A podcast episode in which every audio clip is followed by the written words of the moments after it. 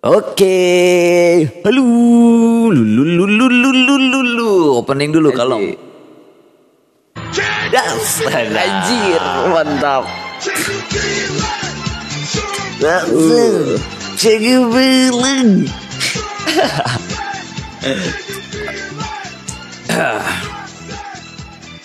Jadi ya mah opening khusus cewek ya kudu semangat. kan bacakan berita Cianjur. Meskipun malam-malam Meskipun hujan-hujan, malam-malam hujan tiris eh, anu kur aya rokok anjing kurang kopi tapi baik Pakai bahasa Sunda ya teh. bebas ya mah tuh. Oh, Ah, kalau orang iya greeting lah ayo introduce lah intro lah eh halo halo balik lagi di Cianjur One Speak seperti biasa. Eh hampura kemarin ada telat upload orang karena satu dan lain hal lah. Eh, jadi jadwal cewek itu emang kuduna poe Jumat tapi kemarin orang upload di hari Minggu. Jadi mohon harap dimaafkan mohon maaf lahir dan batin. dan batin gue serta kamari orang bahas cewek kamari Ah, terus-terusan Geus minal izinan. we, minal izin. Oke jadi di cewek sekarang ini orang nggak akan ditemani ke partner orang yang seperti biasanya nggak akan ada Budin di sini tapi di sini bakal ada sa Robi. Robi mantap dan orang Zuhal seperti biasa Zuhal dan Robi Enggak deh. Novandi. jadi mana tuh siapa ada Aku krisis identitas. Anjing, krisis Ya, identitas. saya Nov. Nov oke. Jadi langsung aja Nov. Ada berita apa hari ini Nov? Mana berarti yang baca beritanya? Wih, eh soalnya ya, di mana jadi, HP nanya Jadi, jadi, jadi, jadi, jadi, buat hari ini tadi siang ada ada demo ya, ada demo. eh, sumbernya demo. dari? Sumbernya di di visit Cianjur ini gitu eh, demo ratusan umat Muslim di Kabupaten Cianjur berunjuk rasa dalam rangka bela Palestina uh, di kawasan Bundaran Tugu Lampu Gentur pada Senin 24 Mei 2021 tadi. tadinya Heeh. bela Palestina Iya, bela Palestina. ini tingginya orang mau melihat nu berbau Islam teh pasti we FBI tapi tinggi naon nu demo na organ mana atau Gak tahu sih ini ini nggak disebutin juga gitu, Eh. tapi gitu kalau ngelihat setelan-setelannya ini pada pakai gamis gitu. Iya, iya kan dari sana kan dari outfit kan kita tahu gitu kan. Dari outfit kita tahu nih ini banyak yang pakai gamis, kayaknya ya mungkin gitu santri-santri sih. Hmm. Banyaknya ya santri-santri ini pada pakai topi putih, ada yang pakai topi putih, ada yang pakai sarung lah gitu. iya, Demonya iya. ya pokoknya outfitnya kayak gitulah gitu. Eh ini ya demonya ya masanya cukup banyak ya, mungkin sekitar sekitar 200 orang ada lah, sekitar Wow. 200 orangan ada. Tapi di, di visit disebutin nggak berapa jumlah masa? Enggak, enggak disebutin ya. Orang nggak ngelihat disebut- dari oh, oke. iya, orang ngelihat dari ini aja landscape yang ada di drone-nya. Hmm, hmm. Pokoknya gitu kan ini menuhin sekitar ya pokoknya tuh nyampe Area dari jalan ini ya, Iya, jalan Arya Juanda ya, Iya, Selakopi kan? Selakopi. Eh, ke sana. Selakopi menuhin pokoknya menuhin dari pokoknya dari jajaran geprek ben, bensu Heeh. sampai yang ke bawah dikit bensu? tuh. ya. Iya, geprek bensu kan pindah. Oh ke sana pindah. Oh, Pindah. aing eh, anjir di sponsoran nih. Eh, baiklah. Nyala suka. Kayak orang tagih kayak gitu. Kayak orang tagih lah. Eh, terus Iya pokoknya sejajaran dari geprek bensu nyampe ke yang counter Oppo nih yang di oh bawah. apa apa apa. Ah. Ayah karena 30 meteran. Iya, Ya. Lumayan sih ini, Hmm. lumayan banyak gitu masanya ya kalau dibandingin. Tapi itu simbol-simbolnya ada simbol bendera ormas-ormas enggak? Enggak sih. Enggak ada ya. Iya kayaknya ya mungkin ini santri tapi ada nih ada bendera bulan bintang. Hah? Ada bendera bulan bintang gitu, bulan Oh. bintang backgroundnya merah apa tuh?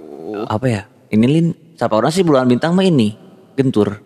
Oh iya kayaknya iya ya? pesantren. Pesantren ya. Hmm. Iya kayaknya pesantren. Iya iya iya ini soalnya setelan-setelannya kan setelan santri Eh, gitu kan. Betul. Hmm. Tapi menurut gimana, Maneh sendiri gimana sih? Gimana sih gitu kayak pandangan Maneh terhadap isu Palestina? Pandangan orang terhadap isu Palestina selalu dihubungkan dengan satu agama sih. Iya ya. Nah gitu, padahal di sana krisis kemanusiaan Hmm. dan apa ya, krisis kemanusiaan, krisis apa, ekologis oke jadinya. Hmm. Jadi sih gak tak adil sih menurut orang ketika itu.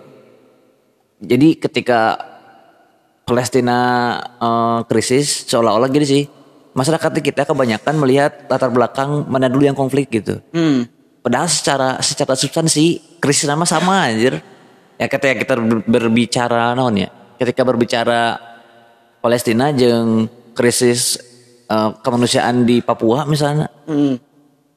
Ya, ya. Padahal kan substansinya sama krisis manusia gitu. Ah. Tapi euforianya berbeda gitu. Ya mungkin karena ada ya nilai-nilai identitas ya di sana. Ya kadang kan itu itu tadi sih permasalahan kita tuh gitu ketika kita melihat isu Palestina adalah ya kita melihatnya sebagai konflik agama. Padahal di Palestina sendiri kan orangnya beragam, gitu. Beragam betul. Ya misalnya gitu populasi Islam gitu di sana gitu. Populasi Islam ya cuma sedikit ya nggak cuma juga sih gitu kayak ya mayoritas juga ya aku bilang mayoritas di Palestina itu 70 persennya kalau nggak salah. 70 persennya populasi Palestina ya itu orang Islam gitu. Berarti ya nggak semuanya juga Islam. Karena di sana juga kan beragam. Ada orang yang Katolik ada orang yang Yahudi juga Ya. dan lain-lain. Dan oh iya kita juga salah sering kali gitu salah mempersepsikan gitu. Yahudi kita menyamaratakan gitu antara Yahudi dengan Israel gitu. Iya betul. padahal kan ya itu dua in- dua Dua entitas ide- yang ya, betul. berbeda Nah, gitu kan. Satu adalah negara, yang satu Iya. lagi adalah bukan bangsa ya. iya Bangsa, kan ya Yahudi. Iya. Hmm, ya Oke. itu sih gitu. Salah satunya itu yang tadi itu yang sempat viral itu tadi ada demo ini. Eh tapi di di Palestina aja itu, ayah, ayah itu sih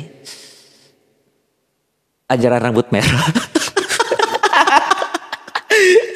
Anjir, Eta- nggak boleh puasa. Tadi nggak boleh puasa, nggak boleh sholat, bukan sih anjir. Eh, Enggak, eh, enggak tahu lah itu makin Tapi- makin aneh sih. Tapi situ lamun cek orang ya gitu, ya ajarannya gitu menurut orang mah nya ajaran ajaran sesat bae-bae wae gitu selama Iya. teu nipu sih. Biasanya kan suka banyak tuh Oh, ajaran-ajaran sesat yang morotin gitu kan. Eh, eh, eh, kayak misalnya gitu kayak kita harus nyumbang berapa gitu, nyumbang Ya, bener, berapa bener. duit gitu biar bisa masuk ajaran itu. Terus ya gitulah gitu kayak menyebarkan gaya hidup gaya hidup gaya hidup hedon. Komersial ah, berarti apa ya? Iya komersialisasi kepercayaan ya. kepercayaan. Kayak gitu sih gitu. Betul betul. Ya udah next. lah. Nah, mungkin next selanjutnya Ajaran rambut merah. Jamet abut abus tanya. Jamet kuproy. Aku pro. Eta merahnya aja. Bisa terpenting aja next.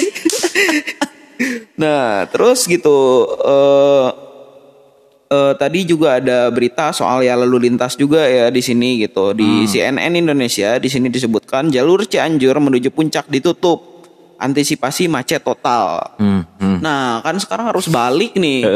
Sekarang tuh harus balik nggak tahu nih harus baliknya kan emang rada telat gitu ya karena Iya, kan iya. semar- kemarin kan sempat ada larangan-larangan Larangan, mudik, larangan, larangan-larangan mudik. Ya mungkin ada orang yang membandel juga gitu kan gitu. Kayak ya nyampe akhirnya gitu kan. Nah, itu mudik-mudik ini gitu nah ini harus balik. jadi ada arus baliknya gitu kayak kayak jadi nungguin momentum yang pas nih supaya supaya bisa berangkat Iya. mudik. Eh taunya pas baliknya susah juga gitu. Eh, Baik, mana masih tinggal lima menit kieu. lucu sih. Iya sih, iya kadang-kadang gitu kan kayak ya kalau kemarin-kemarin gitu kan ya misalnya gitu orang sempat kan bolak-balik Bandung juga gitu, bolak-balik Bandung tapi bukan dalam rangka mudik gitu Ya. kan. Bukan dalam rangka mudik gitu. Kayak ya kemarin-kemarin gitu kalau di Bandung sendiri gitu, kalau di Bandung mah gitu disuruh putar balik. Nah, orang juga nggak tahu nih soal ya kalau di Jakarta kayak gimana gitu. Kalau di Bandung mah ya di Padalarang itu disuruh stop balik orang yang mau yang mau mudik ke Cianjur teh. Hmm, Pas di itu nih Kota Baru ya tahu tahu. Nah di sana teh gitu ada pos gitu, ada pos yang ngalangin terus disuruh putar balik Heeh. kayak gitu. Nah kalau dari Jakarta sendiri, orang kalau dari Jakarta ya orang nggak tahu juga nih. Tapi kalau kemarin-kemarin nih, kan orang tuh abis dari yang perbatasan Cianjur Sukabumi tuh, Iya. kalau daerah-daerah sana itu macet parah, macet parah dan ya kebanyakan itu platnya plat Bandung sih. Wow. Bisa tembus ke sana anjir. Iya meren. Heeh. Ya meren orang yang Bandung, orang dari Bandung gitu mudik ke Sukabumi gitu meren. Tapi ya kayak kemarin tuh macet parah sih di sana ya ditambah lagi kan meren jam sekitar jam-jam 5 gitu kan gitu kayak ya di Gekbrong gitu kan. Di Gekbrong kan ada pabrik-pabrik lah gitu ada GSI gitu kan. Iya, ada benar. Aqua dan lain-lain gitu. Ya di sana sih gitu. Heeh. Cuman ya kadang orang aneh juga nih gitu kayak ketika mudik dilarang gitu.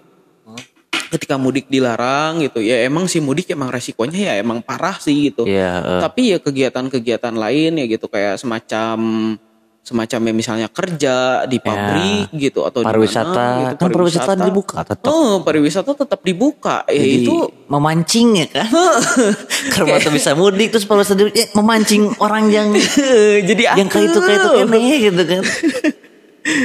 Iya, jadi atul gitu. Eh, bener. Nah, heeh, jadi jadi ya kadang gitu kayak ya pemerintah teh gitu kan setengah-setengah gitu kan kayak mau ngelarang dan nggak puguh juga gitu kan. Iya. Kayak kegiatan-kegiatan di sektor industri itu tetap jalan, Mm-mm, mm-mm. pariwisata tetap jalan. Saya juga nggak ngerti ini kenapa gitu kan gitu kayak kayak ketika mudik dilarang gitu ketika orang yang ingin berwisata ke kampung halamannya dilarang berwisata kan jatuhnya ke kampung Iya, halaman berwisata. Pas saya berwisata, Pak, nggak mudik, gimana ya? iya dah gimana ya kadang juga ya udah bingung juga gitu kan mudik teh dah sama sama dengan wisata lah sama dengan liburan gitu Iya, bener-bener. cuma kan cuma pedah ketemu dulur jauh gitu Heeh. ketemu sepupu yang bisa jadi gebetan anjir enggak ada Anjing. Mana yang bener nama anjir. Sepupu jadi gebetan anjir. iya tapi kan biasanya ada kan tren-tren kayak gitu sepupu Iya. jadi gebetan nih Tiap lebaran tuh, sepupu aduh. cakep Aduh, orang ketemu sama sepupu yang jauh ini yang cantik ya. Bisa aja lah kadinya beberapa. Eh. satu dua orang lah gitu. Nah, terus yang dari tadi rame tuh gitu kan ada yang mayat TKI Arab itu. Uh, boleh tuh. mayat TKI bacain Arab. tuh. Benar tadi teh ngilang beritanya teh. mayat TKI Arab dari tidak baru katanya itu teh 9 jam yang lalu. Heeh. tapi sebenarnya emang maraknya Heeh. banyak bisa anjir kejadian-kejadian sih ke ya TKI TKI balik-balik tinggal nama atau nggak ada kabar tahu-tahu sebenarnya udah meninggal ber- beberapa tahun lalu di Arabnya cuman emang nggak ada info nyampe ke keluarganya banyak aja di Cianjur kayak gitu Iya. Nah, tapi nggak tahu sih ini tadi teh gitu kan. Bentar TKI Arab Cianjur. Ada tadi teh. Mm-mm. Nah, nah ini ada beritanya TKI di Arab Saudi lolos hukuman mati ini. wow Nah, ini ini yang- sumbernya dari sumbernya dari Tempo, dari Oke. tempo.co pada tang ya dipublikasikan tanggal 24 Mei 2021 tadi gitu kan. ya ya Tadi jam 1 siang gitu. Nah, di sini ya mungkin ada sedikit ya bisa di yang enggak bisa disebut kabar bahagia juga sih. Jadi Hmm. ya intinya tuh gitu ya pokoknya gitu kan di sini tuh gitu ada TKI namanya Ibu Adewinda binti Ishak Ayub yang itu eh, orang Cibarengkok Cinama di mana anjir sih Barengko Cibarengkok Cibober gitu asal nama oh pasti jalan pengkap engko Barengkok jalan anjir Iya, ya dia teh gitu kan. Jadi kayak kemarin teh beliau teh eh itu kan kayaknya mah gitu. Ini sekitar lim- pokoknya teh jadi dia teh udah lima tahun gitu kan kerja di Arab. di Arab Kayaknya mah ilegal juga kan statusnya. Ah. Kayaknya ilegal juga statusnya karena kan gitu kayak ya kalau kita ya perhitungin gitu kan 2000 dari dari 2021 ke 2015 ya ber, eh ke 2000 ke 2000. 5 tahun enam teh tahun. 2000 2016. 2016 kan. Nah pada waktu itu tuh gitu kayak mulai Jokowi teh gitu kalau nggak salah memperlakukan moratorium untuk Apa melarang melarang pemberangkatan TKI ke Arab Saudi. TKI ilegal Ya memberang, pemberangkatan TKI pokoknya Oh, nggak jadi boleh dibatasi. ada TKI. ah nggak boleh ada Nggak TKI. boleh ada. dengan alasan nanda sana Ya karena kan gitu kan udah ya ski- udah udah dari lama lah gitu kan. Banyak juga TKI TKI yang itu tuh kayak jatuhnya tuh apa ya nasib di Arab Saudinya itu nggak jelas gitu. Luntang lantung bahkan gitu banyak juga yang kena hukuman mati. Iya iya karena ya itu kan gitu biasanya tuh gitu permasalahannya ya rata-rata gara-gara depresi gitu kan misalnya. Depresi ya mungkin selain dari jauh dari keluarganya dia juga dapat tekanan dari majikannya Iya, Wah, tekanan kalau di majikan Arab mah ya gila-gila gitu kan, gitu. Kayak bukannya rasis atau gimana ya, tapi Iya. kan banyak banyak kejadiannya gitu. Ketika ya majikan-majikan Arab itu kebanyakan nyari-nyari kesalahan gitu. Dari kesalahan kecil itu bisa kesalahan besar. Iya. Jadi kesalahan besar yang nantinya gitu kayak berujung ke ya permasalahannya ya misalnya dia bisa aja diusir dari tempat dia kerja Iya. terus habis itu dari dari sana dia luntang lantung nggak bisa ke kedubes dan lain-lain. Tahu-tahu ya dapat hukuman mati karena ketahuan mencuri atau apalah gitu. Kayak biasanya kayak gitu. Nah cuman kasusnya kasusnya ibu ade ini Iya, gitu kasusnya ibu ade ini gitu dia tuh katanya disekap selama lima tahun. Wow. Disekap. iya katanya. Disekap sama disekap selama lima tahun gitu. Disekap dalam artian disekap di dalam ruangan sungkul iya katanya atau disekap emang nggak boleh keluar. nggak boleh rumah? keluar Oh, kayaknya Oke. nggak boleh keluar rumah Heeh. nah cuman ya ini tuh gitu kan jadi ibu ade ini tuh dituntut hukuman mati karena eh dianggap membunuh membunuh majikannya Dianggap. Eh, membunuh dituduh membunuh majikannya Ya. dituduh membunuh majikannya nah kayak ya sebenarnya kan gitu kayak berdasarkan pemeriksaan polisi sana gitu kan ternyata ya emang beliau gitu kan terbukti gitu melakukan pembunuhan Mm-mm. terbukti melakukan terbukti melakukan pembunuhan cuman gitu setelah ada ya proses-proses dip- diplomasi Proses, kayak ya, gitu Advokasi dari mu- kedubes berarti. kedubes ya dari kedubes gitu ya akhirnya ya beliau gitu yang asalnya dari dituntut hukuman Hukuman mati, ini bebas. Jadi, kemudian ya dia ya diturunin satu hukumannya jadi hukuman lima tahun lima tahun penjara oke. hmm lima tahun kurungan Lima tahun kurungan penjara. iya Jadi resikonya nggak tahu sih ya, maksudnya orang banyak banyak banyak banyak dengar juga ya cerita dari orang-orang yang pernah kerja di sana. Ya emang sih hoki-hokian sih Nov jatuhnya. Kadang ada yang dapat majikan teh bager pisan. iya Tapi gak banyak oke nu majikannya rasanya random gitu. Pernah tiba-tiba teboga salah teboga naon tiba-tiba dibanjur sama air panas gitu. Random banget. Jadi kayak pelampiasan. Mungkin ya saya tak punya amarah dengan siapa. Ada mungkin orang Indonesia nih pembantunya siapa siram atau gimana nya? Jadi iya tapi random. Oh, tapi kayak ya perlakuannya teh ya kayak gitu sih gitu. Kayak Iya. memperlakukannya kayak budak aja gitu. jadi kayak lebih ke apa ya ya mungkin dari dari di, dari zaman dulu kan hampir hampir semua orang itu punya budak kan di Arab baheula kan sejarahnya Iya. gitu ya mungkin nggak bisa lepas dari apa ya dari kebudayaan lama gitu kan Ya, cuman kan ya seharusnya mah gitu kan gitu kayak kebudayaan-kebudayaan tersebut ya ya bukannya dirawat gitu kan ketika ya itu gitu kan menentang kemanusiaan juga gitu iya kan. sih ya. Melawan kemanusiaan juga ya orang gitu kan apa ya gitu kayak kita udah kita ya sepanjang peradaban manusia udah banyak gitu kan upaya gitu untuk menghapuskan perbudakan, Perbudakan, meskipun ada betul. perbudakan zaman sekarang gawe Eh, lah, eh. ya, tapi tapi kayak ya maksudnya gitu kan dari dulu juga kan gitu udah men- banyak gitu kan gerakan yang menentang perbudakan Hmm. dari mulai ya ya di Arab sendiri gitu kan Nabi juga kan gitu ya Nabi Betul, udah betul. menentang perbudakan Udah gitu menentang pada waktu perbudakan. dulu ya orang meskipun nggak nggak sedikit tuh nabi yang punya budak. Emang ayah? Nabi Sulaiman seorang raja masa nggak punya budak? Anjir jin iprit. Diperbudak Epic sih. Ya lanjut lanjut gimana? Ya ya. Tapi kan gitu kayak ya kebayang lah gitu kayak pas waktu dulu gitu yang pertama Nabi lakukan gitu kan sebelum pas waktu di awal-awal dakwah kan Iya. adalah membebaskan budak gitu Membebaskan kan budak betul. Kayak ya masa aja gitu kan gitu. Arab gitu yang Islami gitu. Nggak nggak melihat gitu kan gitu bagaimana bagaimana tingkah bagaimana ya sikap Nabi gitu terhadap perbudakan gitu.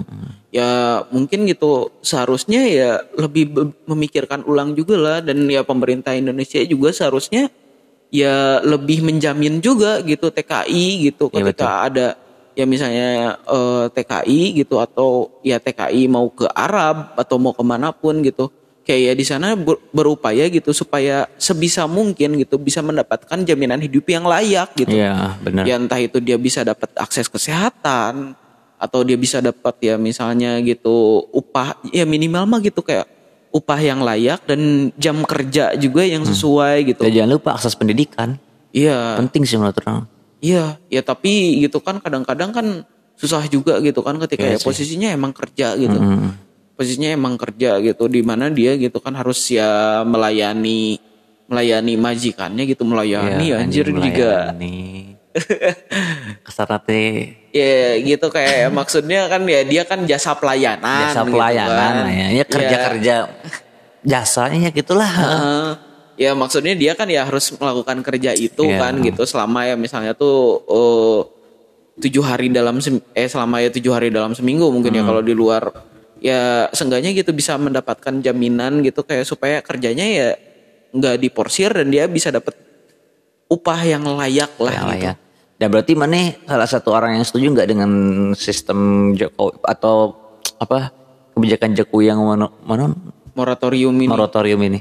Ya sebenarnya kan ini juga kan ya permasalahannya ya permasalahan sistemik sih. Mm-mm. kayak menurut orang gitu kenapa ada TKI ya mungkin gitu karena di daerahnya nggak ada lapangan pekerjaan yang mumpuni gitu.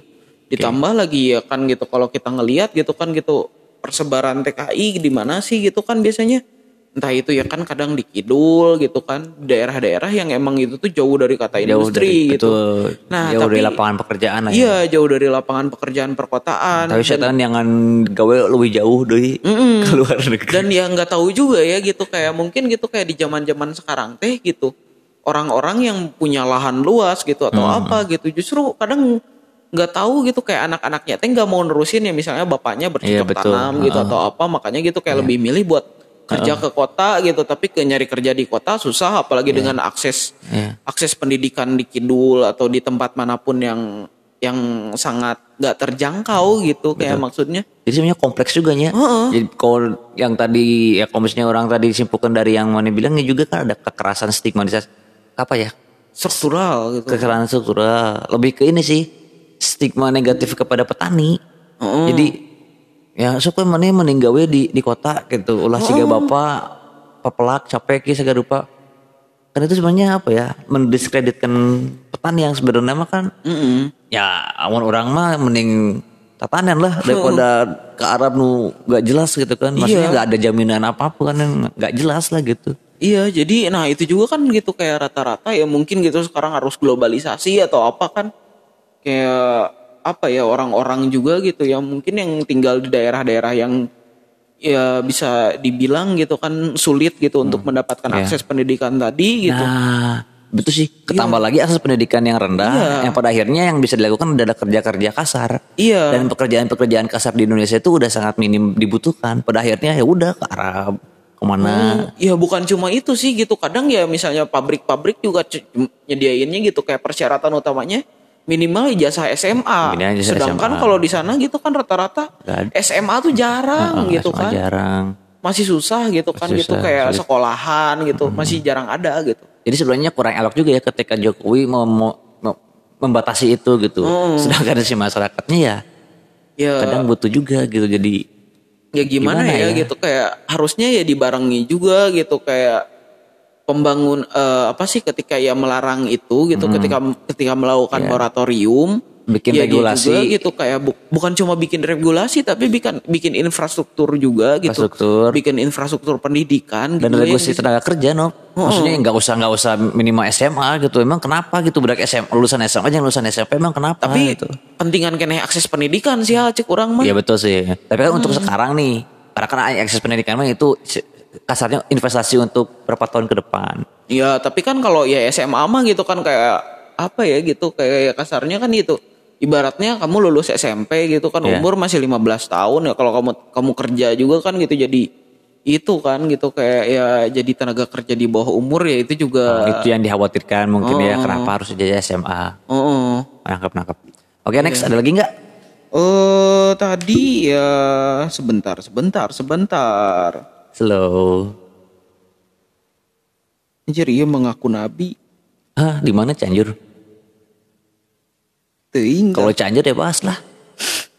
Enggak lah, mendingan ngebahas rambut merah. anjir, orang ngebayangkan eta sekte kesina kupro ya anjir. hmm, oh tapi Rambut merah. Oh iya ya mungkin ini sebelumnya juga udah dibahas juga gitu kan soal eh soal 100 hari kepemimpinan Herman gitu kan. Ah ya gimana tah? Eh, nah, salah satu ya tujuannya adalah meningkatkan indeks pembangunan manusia gitu. IM apa? IPM. IPM, Indeks Pembangunan Ma- Manusia. Ya, ya sebenarnya sih gitu kan anjir ngebangun manusia dikesikan naon gitu jelema gitu naon. tapi Iya tapi ya maksudnya gitu kan kayak kayak ketika kita membahas soal indeks pembangunan manusia, kita kan ya ngebahas juga kan gitu soal akses pendidikan di sana gitu kan. Masih Iya. banyak gitu kan kayak Cianjur tuh kan ya kebilang paling rendah juga kan di Jawa Barat itu ketika kita ngomongin Terendah indeks. kedua. Iya terendah kedua di Jawa Barat ketika kita membicarakan indeks pembangunan Indeks manusia. mahasiswa. Nah sebenarnya alasannya kenapa sih gitu? Mm, mm, mm. Nah sebenarnya sih gitu kalau yang orang lihat gitu orang ya sedikit memberikan opini gitu di sini gitu kayak kayak apa ya gitu akses pendidikan di Cianjur sendiri itu masih sulit dijangkau gitu sama orang-orang. Iya iya. Kenapa ya karena gitu kan ya misalnya gitu kan di Cianjur sendiri gitu kebanyakan tuh gitu ya kebanyakan tuh ya misalnya sekolah-sekolah sekolah-sekolah itu gitu mensyaratkan biaya yang mahal banget. Mm, mm, bahkan di negeri sekalipun gitu. Mm, mm, mm.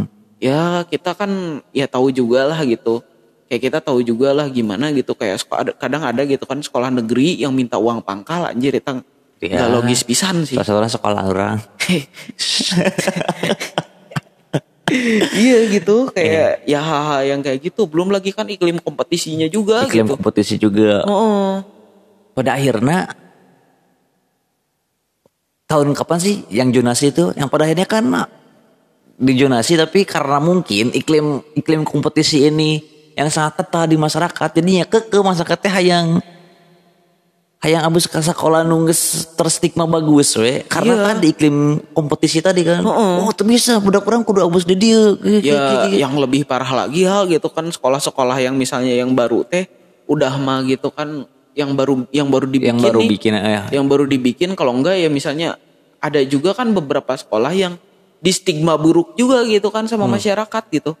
Ya kadang-kadang Hmm. Iya, gitu iya, kan iya, orang iya, betul. ya mana pernah denger gak sih gitu kayak selentingan-selentingan gitu ya. Misalnya gitu ih tong sekolah didinya didinya mah geusina jelema baung hungkul Terus ke Barudak sekolah dinya bau eta unggul. eta mah IR hungkul anjir. Ya kan itu eh, apa ya eta stigma di masyarakat Iya. Cianjurnya khususnya Heeh. ya, ya kayak gitu oh padahal mah gitu kan kayak ya mau gimana pun sekolah ya penting gitu. Penting betul. Penting gitu dan ya daripada ya masalahnya gitu pemerintah teh gitu kayak terus terus merawat gitu stigma itu gitu dengan misalnya teh gitu orang teh kemarin teh waktu dulu ya gitu. Kayak sempet denger juga gitu kan gitu ada ya misalnya gitu aturan-aturan semacam aturan-aturan semacam apa ya gitu kayak misalnya gitu ja- jatah guru PNS gitu di sekolah swasta dikurangin gitu. Heeh. ya orang sebenarnya bukan orang juga sebenarnya nggak setuju gitu kayak pembedaan antara PNS dan honorer gitu. Tapi ya pemerintah gitu kayak seolah gitu cuma mau ngasih gitu guru-guru yang berkualitas orang sebenarnya nggak mau nyebut juga guru berkualitas juga sih. Iya, heeh. tapi ya masalahnya gitu kayak seolah gitu kayak ngebatasin aja gitu ngebatasin gitu supaya ya misalnya supaya si sekolah-sekolah yang udah dicap buruk ini tetap stagnan gitu. Kayak iya gak sih Ya, gitu? ya, jadi kayak disengaja biar ada sekolah unggulan gitu. Heeh. ya kan? Kayak seolah-olah ada sekolah sekolah unggulan dengan semua guru yang berkualitas Eh, gitu. betul Ya padahal mah ya ya eusin lagi ada guru-guruna ya mungkin sama-sama aja gitu sama-sama kan. aja Ya namanya guru ya mungkin cuma ya kalau PNS kan dia gitu kan mendapatkan akses lah gitu kayak dianggapnya mendapatkan akses gitu. Ya yang namanya PNS kan dia bisa beli laptop, bisa beli apa sedangkan guru honorer mah boro-boro. boro-boro betul Oh, ya ini juga Kadang, PR uh, buat pemerintah nih betul gitu sih, kayak untuk penyejahteraan guru-guru honorer gitu. guru honorer ya kan kadang ya nggak nggak sedikit juga tugas-tugas guru-guru yang tetap dilimpahkan ke guru-guru honorer ya kan? jadi tukangnya bukan nungkul ya dengan tapi ya tidak di tidak tidak diseimbangi dengan apa ya kesejahteraan si guru Iya. honorer. Tanya minimum beri tuh lah laptop nah alat Iya. untuk seta ya, alat produksinya lah gitu kan. Ya laptop atau naon naon gitu kan. Oh, ya ini mah kan gitu kayak tuntutan kurtilas gitu misalnya. Tuh tuntutan kurtilas kan segala kudu pakai laptop, kudu pakai PowerPoint, kudu pakai Kurtilas tuh naon. 13 berarti ya Iya, kurikulum kurikulum 13 13 belum lagi UN ya, atau ulangan harian gitu yang harus harus online dan lain-lain Iya, gitu kan betul. gitu. Apalagi pas Covid gini ya kan guru-guru honorer mah nggak dikasih kan gitu boro-boro Iya, HP gitu. Mardit ya sana ke. Ya sebenarnya eh, pendidikan di Cianjur kenapa terendah kedua tuh ya nggak aneh ya dengan ningali kondisi lapangan seperti iya gitu. Eh apalagi Dok? Yang man open di mana selain itu, yang bikin pendidikan orang teh nya stagnan. Iya, nggak ada iya. asal nggak ada peningkatannya kayak ya gitu. Ya itu sih adanya ketimpangan di antara guru-guru sendiri gitu ada kan. ketimpangan antara guru-guru sendiri guru-guru sendiri terus kayak kurikulum yang kadang nggak ngotak juga sih gitu. Kayak nuntutnya banyak gitu. Mm-mm. nuntutnya banyak gitu tapi nggak mau ngasih apa-apa